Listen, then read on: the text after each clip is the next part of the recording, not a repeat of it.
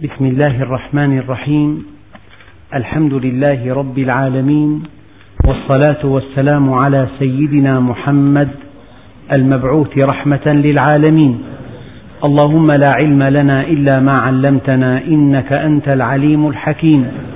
اللهم علمنا ما ينفعنا وانفعنا بما علمتنا وزدنا علما. وأرنا الحق حقا وارزقنا اتباعه. وأرنا الباطل باطلا وارزقنا اجتنابه. واجعلنا ممن يستمعون القول فيتبعون أحسنه وأدخلنا برحمتك في عبادك الصالحين. أيها الإخوة المؤمنون مع الدرس الرابع عشر من سورة النمل وصلنا في الدرس الماضي إلى قوله تعالى بسم الله الرحمن الرحيم. أمن يبدأ الخلق ثم يعيده ومن يرزقكم من السماء والأرض أإله مع الله قل هاتوا برهانكم إن كنتم صادقين الله سبحانه وتعالى يطرح أيضا هذا السؤال على الناس أمن يبدأ الخلق ثم يعيده الله سبحانه وتعالى بدأ الخلق وسوف يعيد الخلق في بدء الخلق تتمثل أسماؤه الحسنى وفي إعادة الخلق يتمثل اسم الحق. هو الذي يبدأ الخلق ثم يعيده لتجزى كل نفس بما تسعى. لتجزى. فالإيمان بالله عز وجل من لوازمه أن تؤمن باليوم الآخر لأن الحياة فيها قوي وفيها ضعيف. فيها غني وفيها فقير فيها صحيح وفيها مريض فيها طويل العمر وفيها قصير العمر فيها أنواع منوعة من الحظوظ.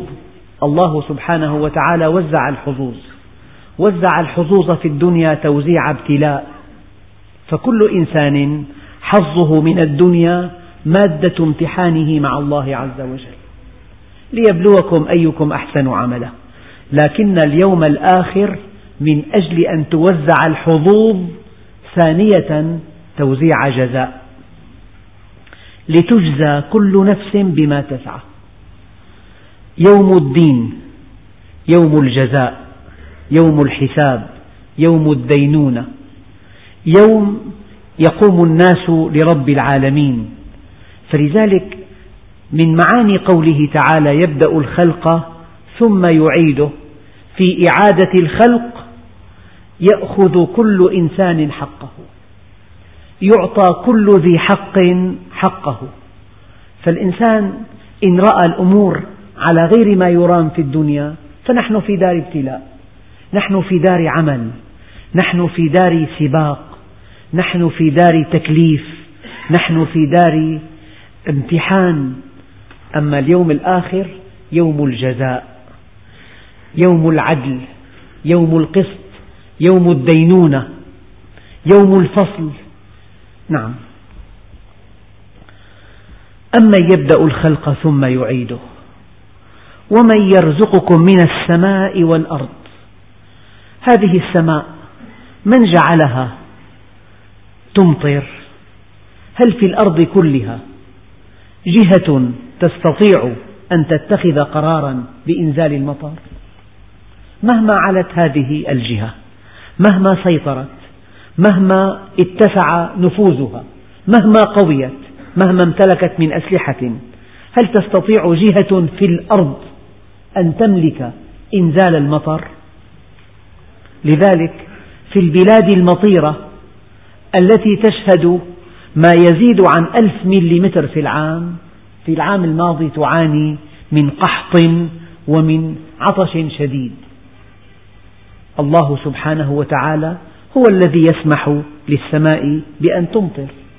طيب لو أن السماء أمطرت من يستطيع أن يجعل هذه البذرة تنبت؟ هالبذرة فيها رشين وإذا كان بلغنا أن بعض البذور السبعين ألف بذرة بيساوي غرام واحد وكل بذرة فيها غشاء وفيها محفظة غذاء وفيها رشيم حي. هذا الرشيم مؤلف من سويق ومن جزير. من يجعل هذا الرشين ينبت في الجو المناسب في الرطوبة والدفء والضوء؟ ثلاث شروط. دفء ورطوبة وضوء الله سبحانه وتعالى. لذلك ومن يرزقكم من السماء والأرض؟ لو أن السماء لا تمطر والأرض لا تنبت هل يبقى على وجه الأرض إنسان؟ أإله مع الله؟ هل تستطيع جهة في الأرض أن تدعي ذلك؟ هل تستطيع جهة في الأرض أن تقول أنا أنبت النبات أو أنزل, أنزل المطر؟ يعني أنا أقول لكم إن آية النبات وحدها آية كافية لمعرفة الله عز وجل. هذه الأشجار الآن أزهرت كانت أخشابا. من جعل هذه العصارة تمشي فيها؟ من جعل من جعل هذا الماء الذي تمتصه من باطن التربة يصعد إلى أعالي أغصانها؟ هل هناك مضخة؟ من جعل هذه الأنابيب التي تصعد نحو الأعلى مزودة بأجهزة دقيقة جدا تسمى الخاصة الشعرية؟ ومن جعل هذه الأنابيب الهابطة مزودة بمصافي هذه العصارة الهابطة هي التي تصنع الفاكهة. المعمل هو الورق. الورقة يصنع فيها تصنع فيها العصارة الهابطة. تهبط تصبح تفاحة أو كمثرى أو أنواعا منوعة من الفواكه. يسقى بماء واحد ونفضل بعضها على بعض في الأفق. يعني إذا الإنسان لم يلتفت لهذه الآيات الصارخة فإلى ماذا يلتفت؟ أمن يبدأ الخلق ثم يعيده؟ ومن يرزقكم من السماء والأرض ما قيمة المال لو لم يكن هناك الثمرات؟ يعني من القصص المألوفة أن إنسان كان يقطع البوادي والقفار على راحلته. ضل الطريق.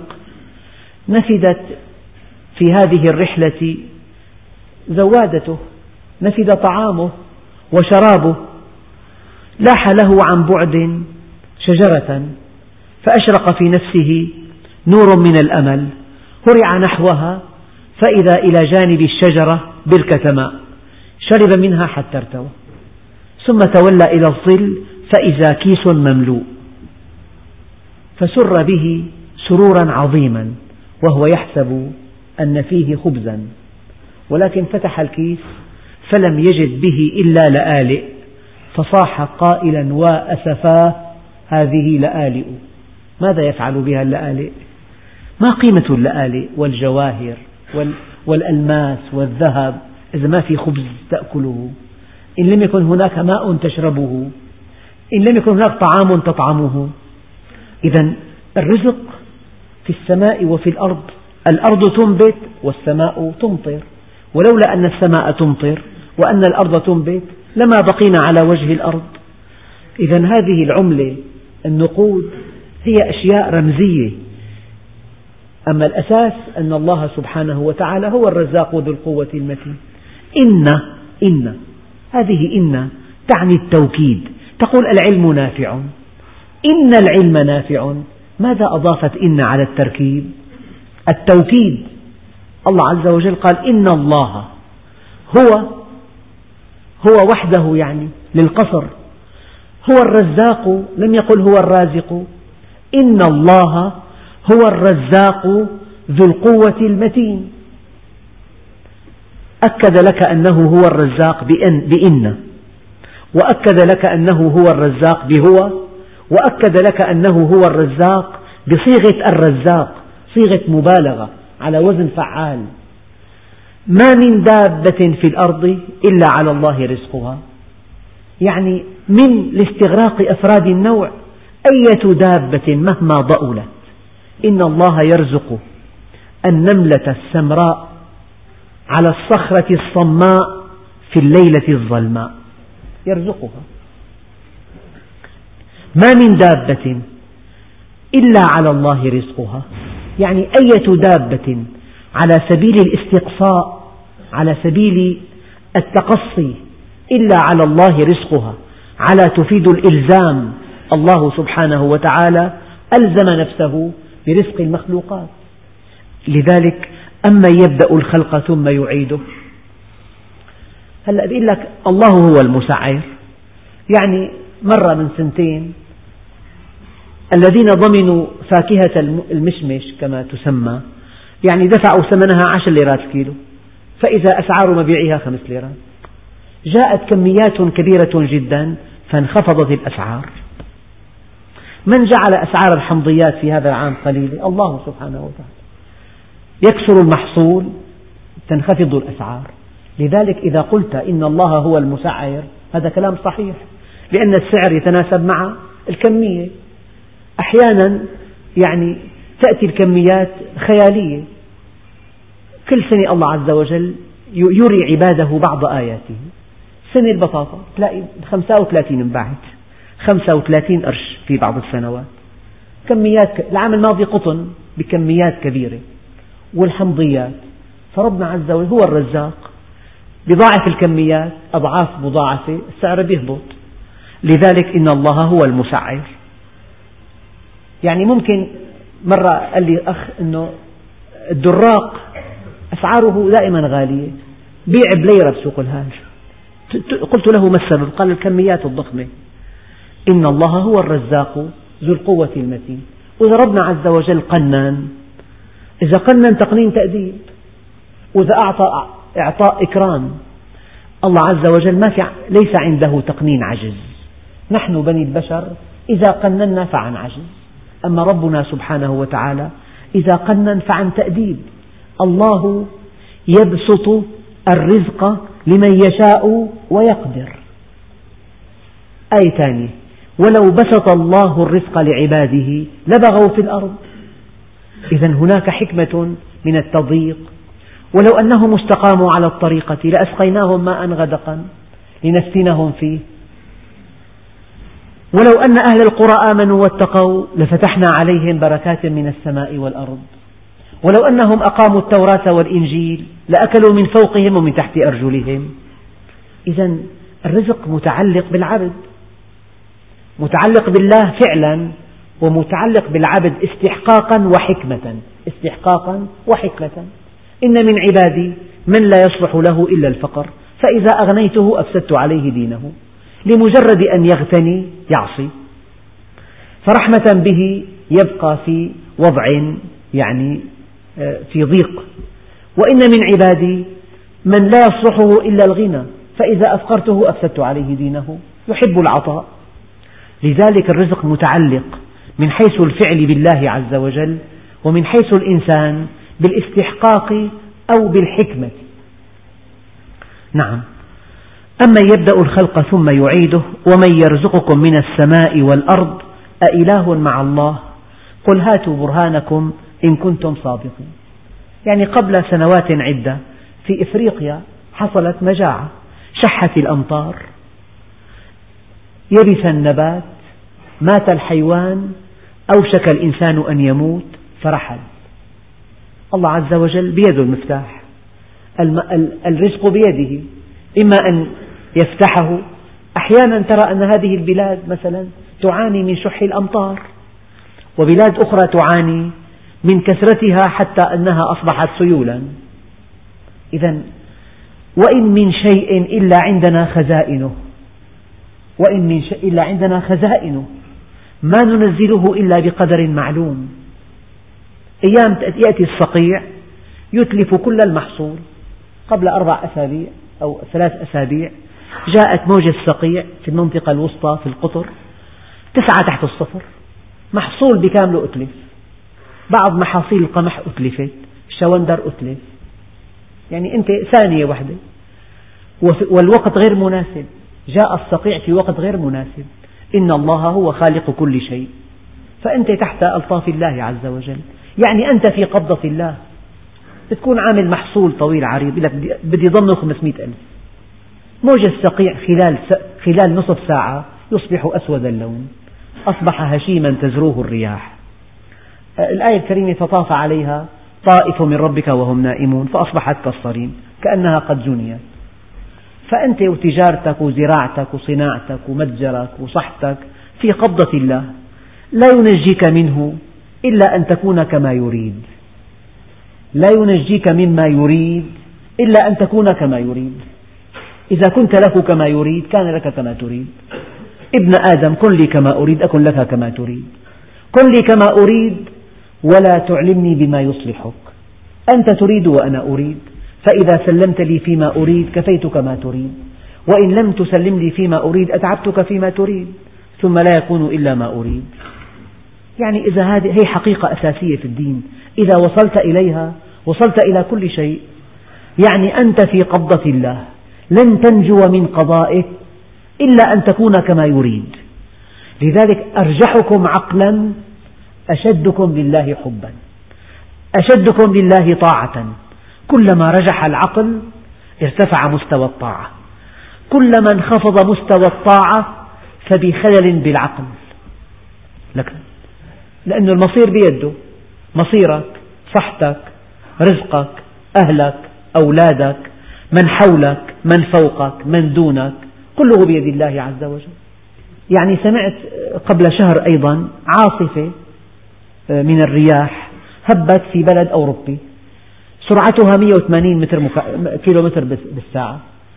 سبعين مؤسسة فلست زراعية. ضاعت أصولها وقلع وحتى البناء قلع من من أساسه. حتى المحصول حتى النباتات حتى البيوت المغطاة كله قد أصبح هباء منثورا. فالرياح بتدمر والسيول بتدمر. والأمراض في أمراض للنباتات تلاقي وباء مشكلة كبيرة جدا. ذبابة أيام تقضي على المحصول بكامله. في أوبئة في أمراض في رياح في سيول في أمراض تصيب البشر. يعني كل الناس في قبضة الله عز وجل.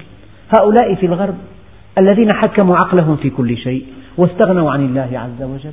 جاءتهم الأمراض التي لم تكن في أسلافهم. يعني مرض هذا الآيدز شبح مخيف جدا. يعني أقلق الناس هزهم من أعماقهم. لك الله عز وجل بيده كل شيء. هذه حقيقة خطيرة. في الكون حقيقة كبرى ولا حقيقة سواها وهي الله سبحانه وتعالى. فكل إنسان يتجاهل هذه الحقيقة يتجاهل أمرها يتجاهل نهيها يتجاهل ما عندها من عطاء يتجاهل ما عندها من عذاب. إنسان أحمق. يعني أنت إذا كنت بمكان عملك وشخص أمره نافذ كلمته هي الأولى بيده كل التفصيلات هل بإمكانك أن تتجاهل وجوده؟ أو أن تتجاهل سلطته؟ أو أن تتجاهل تأثيره؟ بيكون إنسان أحمق. هذا فيما يتعلق بعملنا فكيف فيما يتعلق بعلاقة الإنسان بالله عز وجل؟ الله عز وجل يقول أمن يبدأ الخلق ثم يعيده؟ بدء الخلق مظهر لأسمائه الحسنى. إعادة الخلق مظهر لعدالته. عدالة مطلقة. أريد عليكم أو أتمنى عليكم أن تفهموا هذه الحقيقة. الدنيا دار ابتلاء وليست دار جزاء. يعني ممكن أن تبتلى بها وأن يكون لك عند الله مقام كبير. وقد تعطى الدنيا لأهل الدنيا ولهم وليس لهم عند الله من شأن إطلاقا. يعني معظم الناس يظنون أن الدنيا مقياس رضاء الله عز وجل. أن الله عز وجل أكرمني الله عز وجل أعطاني الله عز وجل أخذ بيدي الله عز وجل أعطاني مال. إذا كنت مستقيما على أمر الله فهذا كله عطاء صحيح. يعني إياك أن تفهم أن الدنيا وحدها مؤشر لرضاء الله عز وجل إطلاقا. لكنك إذا استخدمت الدنيا في مرضاة الله عز وجل تصبح الدنيا مؤشرا لمرضاة الله عز وجل.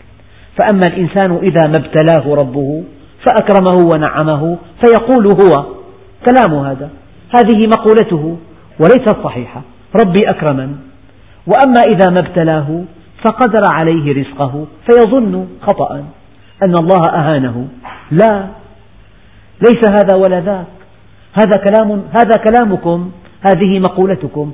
كلا. الله عز وجل. نفى وردع وزجر. كلا. ليس عطائي إكراما ولا منعي هوانا إنما عطاء ابتلاء وحرمان دواء. يعني أترى أن هذا الطفل الذي يحبه أبوه إذا التهبت أمعاؤه ومنعه من الطعام أمنعه للطعام يعد إهانة له. لا والله. إن الله ليحمي عبده المؤمن من الدنيا كما يحمي أحدكم مريضه من الطعام. إن الله ليحمي صفيه من الدنيا كما يحمي الراعي الشفيق غنمه من مراتع الهلكة. فإذا أنت في دار امتحان قد تكون مستقيما على أمر الله وقد تأتي الأمور على غير ما تريد. لينظر الله كيف تفعل.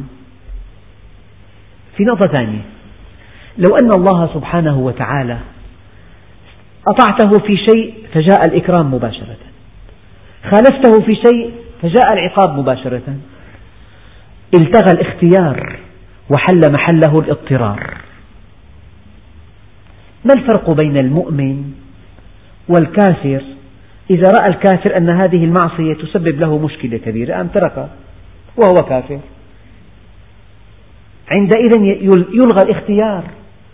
الله عز وجل من سنته في خلقه أن العبد يمكن أن يعصيه وأن يبقى صحيح الجسم وأن يبقى قوي البنية وأن يبقى غنيا وأن يبقى يعني في عمله متفوقا إلى أمد. ثم يأتي الحساب. ويمكن أن تطيعه وأن تبقى في وضع في وضع محرج ليمتحن حبك له. أتحبه من أجل ما عنده أم من أجل ذاته؟ الحديث القدسي من أحبنا أحببناه ومن طلب منا أعطيناه ومن اكتفى بنا عما لنا كنا له وما لنا. يعني يا ترى أنت تستقيم على أمر الله طمعا في رزق وفير؟ هذه استقامة مشوبة. تستقيم على أمر الله طبعا طمعا في رفعة مكانتك عند الناس؟ هذه استقامة مشوبة. الله سبحانه وتعالى يريد أن تستقيم على أمره حبا به. لا حبا بما عنده. لذلك يمتحنك تستقيم على أمره والدنيا مدبرة عنك. ويأتي إنسان آخر يعصيه والدنيا مقبلة عليه. تقول أنت من والله شيء غريب. هذا يعصي الله ليل نهار يزداد قوة وغنى. وهذا الطائع. هناك حكمة بالغة. لو أن الله سبحانه وتعالى أعقب الطاعة بثوابها وأعقب المعصية بعقابها التغى الاختيار صار في اضطرار انتفت قيمة الأعمال. لا يمكن أن تسمى طاعتك طاعة إلا إذا أطعته لوجهه لوجهه الكريم ابتغاء مرضاته.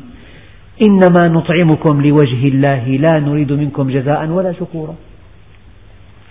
أمن يبدأ الخلق ثم يعيده ومن يرزقكم من السماء والأرض أإله مع الله قل هاتوا برهانكم إن كنتم صادقين. الآية التي بعدها. قل لا يعلم من في السماوات والأرض الغيب إلا الله. إذا قلنا الله يعلم الغيب هذه العبارة لا تعني أنه أن أحدا آخر لا يعلم الغيب. الله يعلم الغيب وقد يعلم الغيب غيره. مثلا. لو أن الله عز وجل قال للإنسان ما سعى للإنسان ما سعى. وقد يكون له ما لم يسعى. أما إذا قال وأن ليس للإنسان إلا ما سعى يعني هذا في قصر وفي حصر وفي قيد.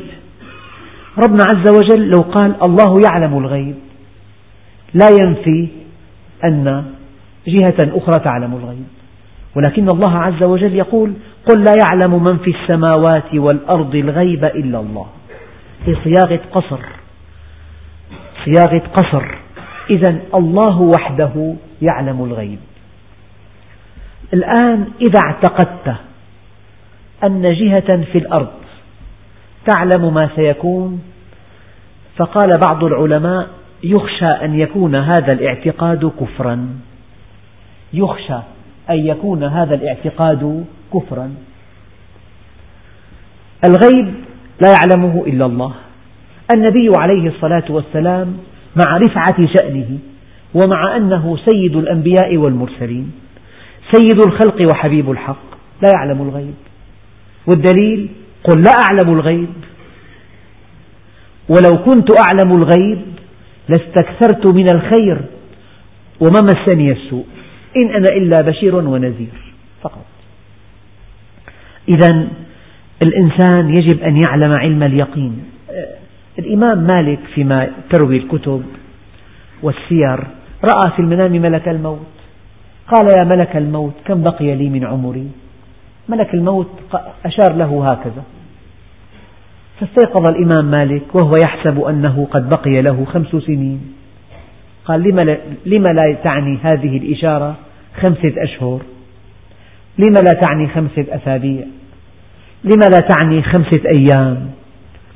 لم لا تعني خمسة ساعات؟ خمس ساعات.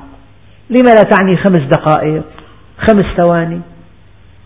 فذهب هذا الإمام مالك إمام دار الهجرة إلى الإمام ابن سيرين وكان يعني وحيد عصره في تفسير الأحلام.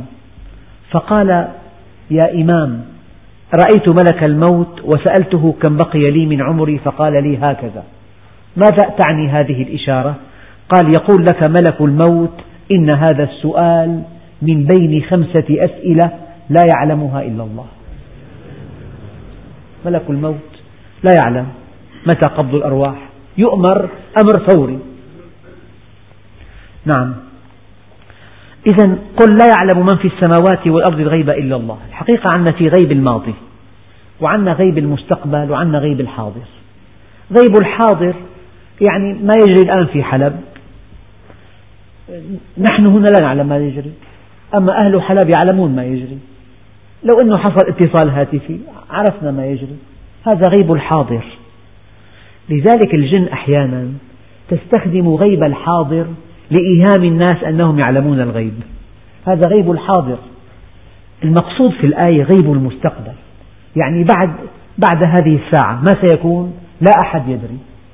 تلاقي مدينة عامرة. في نشاط وأسواق وبيع وشراء. فجأة يأتي زلزال. في زلزال وقع في قرية من قرى إيطاليا.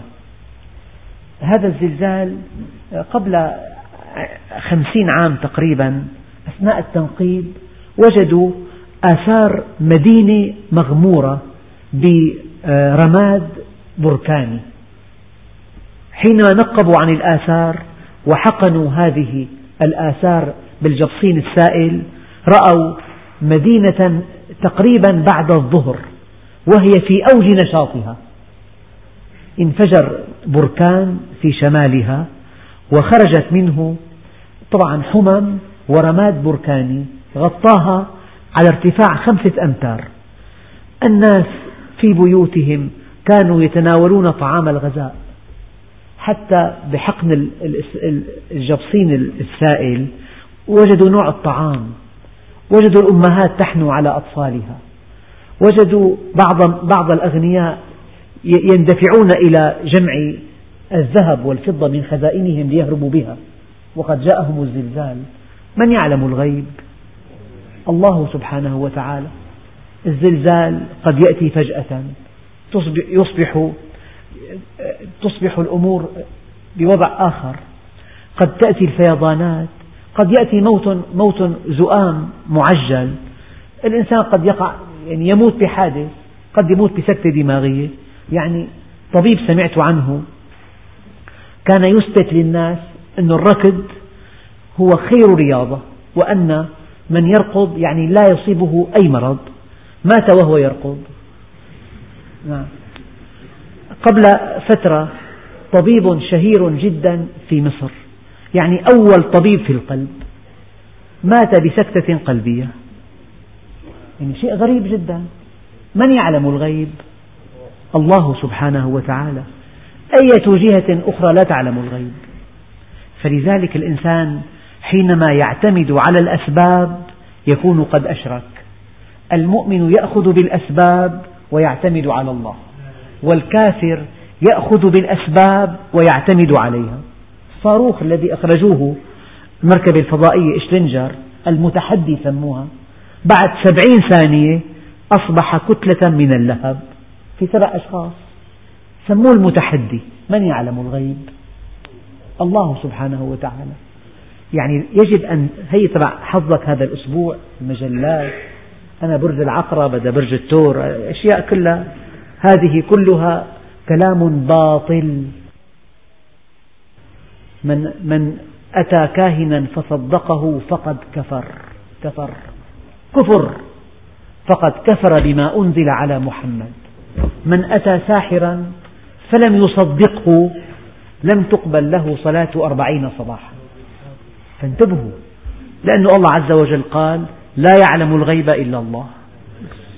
الله وحده يعلم الغيب. لذلك قال واحد قال بيني وبين الملك يوم واحد. قال وكيف؟ قال ما مضى انقطع خيره وشره. وما سيكون بعلم الله. هذا اليوم الذي أعيشه. هذا الذي بيني وبينه. يعني كل إنسان يجزئه لقيمات خبز وفراش ينام عليه. إذا أصبح أحدكم آمنا في سربه معافى في جسمه عنده قوت يومه فكأنما حيزت له الدنيا بحذافيرها. إذا قل لا يعلم من في السماوات والأرض الغيب إلا الله. وما يشعرون أيان يبعثون. يعني هذا اللقاء مع الله عز وجل. ماذا أعددت له؟ تلاقي يقول لك حقدم طلب هاتف لابني هو الآن ولد احتياط. يعني دائما الإنسان بيخطط لعشرين سنة قادمة. قال لي واحد يعني خايف ركب الشوفاج تمديد أرضي بعدين يصير في عطل بالأنابيب اضطر كسر البلاط. هاك الهم. سأل أشخاص عديدين بقي سنة؟ بحيرة. يركب تمديد ظاهر لما داخلي بعدين استقر الأمر يركبه داخلي. وإذا كان صار في عطل بيخلي البلاط مركب يركب تركيب ظاهر. قال لي بعد عشرين سنة إذا كان صار في عطل بالأنابيب بعمل تركيب ظاهر. ومن أدراك أنك تعيش عشرين سنة أخرى؟ والله الذي لا إله إلا هو. مرة التقيت مع شخص خطط لي لشيء خمس سنوات عشر سنوات قادمة. يعني قال لي أنا بدي أتقاعد إن شاء الله السنة. بدي أعمل إعارة للجزائر وأعمل زيارات لأوروبا كل صيفية صيفية بفرنسا صيفية بإنجلترا بالضبط قال لي صيفية بإيطاليا. بدي أتملى من معالمها السياحية المتاحف الآثار المتنزهات. بجي بعد خمس سنوات تنتهي الإعارة بفتح محل تجاري بحط فيه هدايا بحط أولادي فيه برتاح. هذا الكلام قاله لي والله حوالي الساعة عشرة صباحا. كنت في, في, في مركز المدينة وأنا في طريقي إلى البيت رأيت نعوته على الجدران. في نفس اليوم والله في نفس اليوم لا يعلم الغيب إلا الله. لا حد يقول بكرة وبعد بكرة بعد كذا سنة بعمل بترك. قال من عد غدا من أجله فقد أساء صحبة الموت. من عد غدا غدا بالذات من أجله فقد أساء صحبة الموت. لذلك الله عز وجل يقول قل لا يعلم من في السماوات والأرض الغيب إلا الله. واحد له عند الثاني دين. فالمدين عمره شيء 85 سنة. فقال له والله كنت امبارح مرضان مزح معه قال له اوعك تدفع قبل ما تموت ادفع لنا الدينات قبل ما تموت. من باب المزاح. الدائن عمره 32 سنة. مات بسكتة قلبية. هذا اللي عمره 85 قال له ادفع قبل ما تموت الدينات مات قبله. هي الغيب من يعلم الغيب؟ في إنسان قال له الأطباء انتهى الأمل بالحياة. سلموا الغرفة. وكتبت النعوة. واشترى النساء اللباس المناسب للعزاء. وانتهى كل شيء. ثم أكرم الله هذا الإنسان الميؤوس منه بالحياة والذي كتب النعوة تحت أطباق الثرى الآن. الذي كتب النعوة تحت أطباق الثرى والذي كتبت نعوته حي يرزق. لا يعلم الغيب إلا الله. دائما الإنسان إذا قال إن شاء الله فقد تأدب مع الله. هذه مو كلمة الأجانب يعني يسخرون من المسلمين باستخدام كلمة إن شاء الله. يعني إذا كان شيء بده ما ينفذه يقول لك إن شاء الله. ما حيدفع إن شاء الله بدفع لك. ما حيوقع عقد إن شاء الله بوقع العقد. هذه إن شاء الله مشوهة مشوهة. إن شاء الله التي يقولها المؤمن. يعني في عنده عزيمة تقهر الجبال أن يفعل هذا الشيء. لكن إلا أن يحاط بكم. فيقول إن شاء الله تأدبا مع الله عز وجل. قل لا يعلم الغيب في الس... لا يعلم من في السماوات والأرض الغيب إلا الله وما يشعرون أيان يبعثون. الواحد يسأل السؤال سؤال مزعج. أنا أموت في هذا البيت يا ترى أم في بيت آخر؟ أموت بين أهلي أم في الطريق؟ أم في بلد مسافر وأنا مسافر أين أموت؟ وما تدري نفس بأي أرض تموت؟ العبرة أن تستعد للموت. هذا الأعرابي الذي قال للنبي الكريم آه قال جئتك لتعلمني من غرائب العلم. قال فماذا صنعت في أصل العلم؟ قال وما أصل العلم؟ قال هل عرفت الرب؟ قال ما شاء الله. قال فماذا صنعت في حقه؟ هذا السؤال. إذا كنت تقول أنا أعرف الله ماذا فعلت من أجله؟ ماذا أعطيت من أجله؟ ماذا منعت؟ من وصلت؟ من قطعت؟ من وادت؟ من عاديت؟ ما الموقف الذي وقفته من أجل الله؟ ما الذي تركته لله؟ ما الذي فعلته لله؟ قال له هل عرفت الموت؟ قال نعم. قال فماذا أعددت له؟ هذا السؤال درسنا هذا السؤال. ماذا أعددت للموت؟ الموت حق. التفكر بالموت ليس تشاؤما. التفكر بالموت لا يقدم ولا يؤخر. لك عند الله أجل لا يزيد ولا ينقص. لكن التفكر بالموت تهيئة له واستعداد له. وتأتي الدنيا وهي راغمة. يعني إذا الإنسان التفت لآخرته تأتيه الدنيا وهي راغمة. أوحى ربك إلى الدنيا أنه من خدمك فاستخدمي. ومن خدمني فاخدمي. نعم. تفرغ لعبادتي. أملأ صدرك غنى. الله عز وجل قال. أملأ صدرك غنى. خلقت لك السماوات والأرض ولم أعي بخلقهن. أفيعيني رغيف أسوقه لك كل حين. وعزتي وجلالي إن لم ترضى. بما قسمته لك فلأسلطن عليك الدنيا تركض فيها ركض الوحش في البرية. ثم لا ينالك منها إلا ما قسمته لك ولا أبالي وكنت عندي مذموما. فهذه قضية مهمة جدا. بل ادارك علمهم في الآخرة أي تتابع علمهم. بعضهم قال هناك آخرة بعضهم قال ليس هناك آخرة. يعني اختلفوا في هذا الموضوع. بل هم في شك منها بل هم منها عمون. يعني الطالب ما يأخذ الأولية على القطر إلا بحالة واحدة. إذا كان الامتحان ماثلا في ذهنه دائما. أراد أن يذهب نزهة تذكر الامتحان قال لا هذا الوقت ثمين جدا. أراد أن ينام باكرا تذكر الامتحان. إذا تذكر الإنسان الموت النبي عليه الصلاة والسلام يقول أكثر ذكر هادم اللذات مفرق الأحباب. مشتت الجماعات. عش ما شئت فإنك ميت وأحبب ما شئت فإنك مفارق واعمل ما شئت فإنك مجزي به. بل ادارك علمهم في الآخرة بل هم في شك منها بل هم منها عمون هم منها عمون. يعني عميت عليهم هذه الآخرة. تلاقي غير المؤمن ساحة نفسه كلها دنيا. الدنيا أكبر همه ومبلغ علمه. لا يعرف إلا الحياة الدنيا. ذلك مبلغهم من العلم. أما غير المؤمن دائما يفكر كيف يجيب الله عن هذا السؤال. لما فعلت كذا؟ أجب الله عز وجل. دائما في تصور الحساب مع الله عز وجل. لذلك من حاسب نفسه في الدنيا حسابا عسيرا كان حسابه يوم القيامة يسيرا. ومن كان حسابه لنفسه يسيرا كان حسابه يوم القيامة عسيرا. وقال الذين كفروا أإذا كنا ترابا وآباؤنا أئنا لمخرجون؟ لقد وعدنا هذا نحن وآباؤنا من قبل إن هذا إلا أساطير الأولين.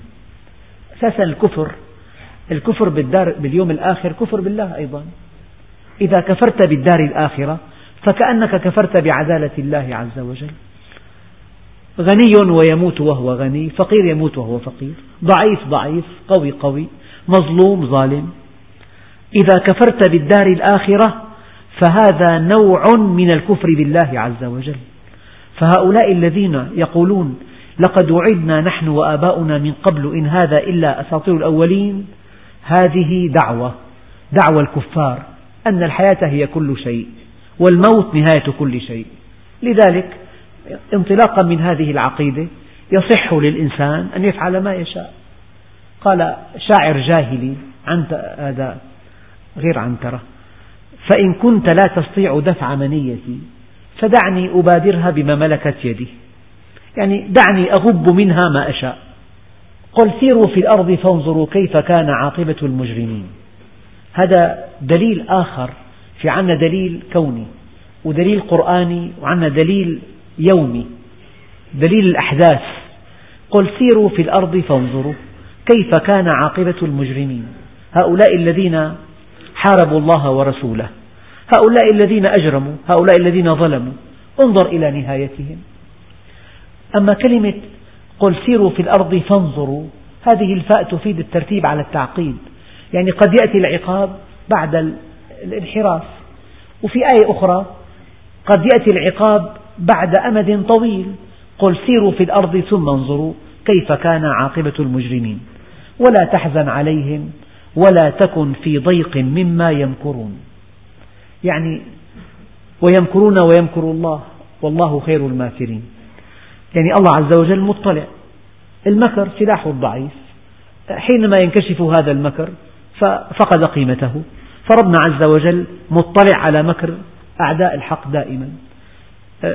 ومكروا مكرهم وعند الله مكرهم. لو إنسان خطط لشيء لعمل سيء واللي بيده الأمر أخذ صورة عن تخطيطه فهو يظن أنه في منجاة ومكروا مكرهم وعند الله مكرهم. مكرهم عند الله. فالإنسان حينما يمكر يجب أن يعلم أن الله مطلع عليه. لذلك أن ترى أن الله رقيب عليك أن ترى أن الله يعلم. أو أن تعلم أن الله يعلم هذا سر الاستقامة. الإنسان إذا شعر أنه مراقب تلاقي بيلتزم الصحيح. لو إنسان راقب إنسان تلاقي أخذ احتياط دقيق جدا. ضبط كلماته ضبط حركاته ضبط سكناته. إذا إنسان راقب إنسان بينضبط كيف إذا كان الواحد الديان راقب الإنسان؟ إن الله كان عليكم رقيبا. ولا تحزن عليهم ولا تكن في ضيق. نعم. ولا تكن في ضيق مما يمكرون ويقولون متى هذا الوعد إن كنتم صادقين. إمتى يا أخي؟ استهزاء. لما بيجي البلاء والعياذ بالله بتلاقي يوم ترونها تذهل كل مرضعة عما أرضعت. يعني في أغلى من الولد في أغلى من طفل يرضع من ثدي أمه في أثناء الرضاع يوم تذهل كل مرضعة عما أرضعت. وتضع كل ذات حمل حملها وترى الناس سكارى وما هم بسكارى ولكن عذاب الله شديد. يعني سمعت أنه امرأة في هيك بناء ضعضع شوي فقالوا أنه خطر من لهجتها حملت يعني حذاء مكان ابنها وانطلقت من البيت. هذه بالدنيا. إذا البناء في ضعضعة ساعة الخوف حملت حذاءها وظنته ابنها وانطلقت. فإذا هو حذاؤها يوم ترونها تذهل كل مرضعة عما أرضعت وتضع كل ذات حمل حملها وترى الناس سكارى وما هم بسكارى ولكن عذاب الله شديد. إيه، الإنسان إذا كان بالرخاء عرف الله في الرخاء. صحته طيبة ماله وفير مكانته الاجتماعية مرموقة. في هذا الوضع الجيد عرف الله عز وجل. إيه، إذا جاءت الشدة فالله سبحانه وتعالى يعرفه. اعرفه في الرخاء يعرفك في الشدة. وكذلك ننجي المؤمنين وكان حقا علينا نصر المؤمنين. فنادى في الظلمات أن لا إله إلا أنت سبحانك إني كنت من الظالمين فاستجبنا له ونجيناه من الغم وكذلك ننجي المؤمنين. ويقولون متى هذا الوعد إن كنتم صادقين؟ قل عسى أن يكون ردف لكم.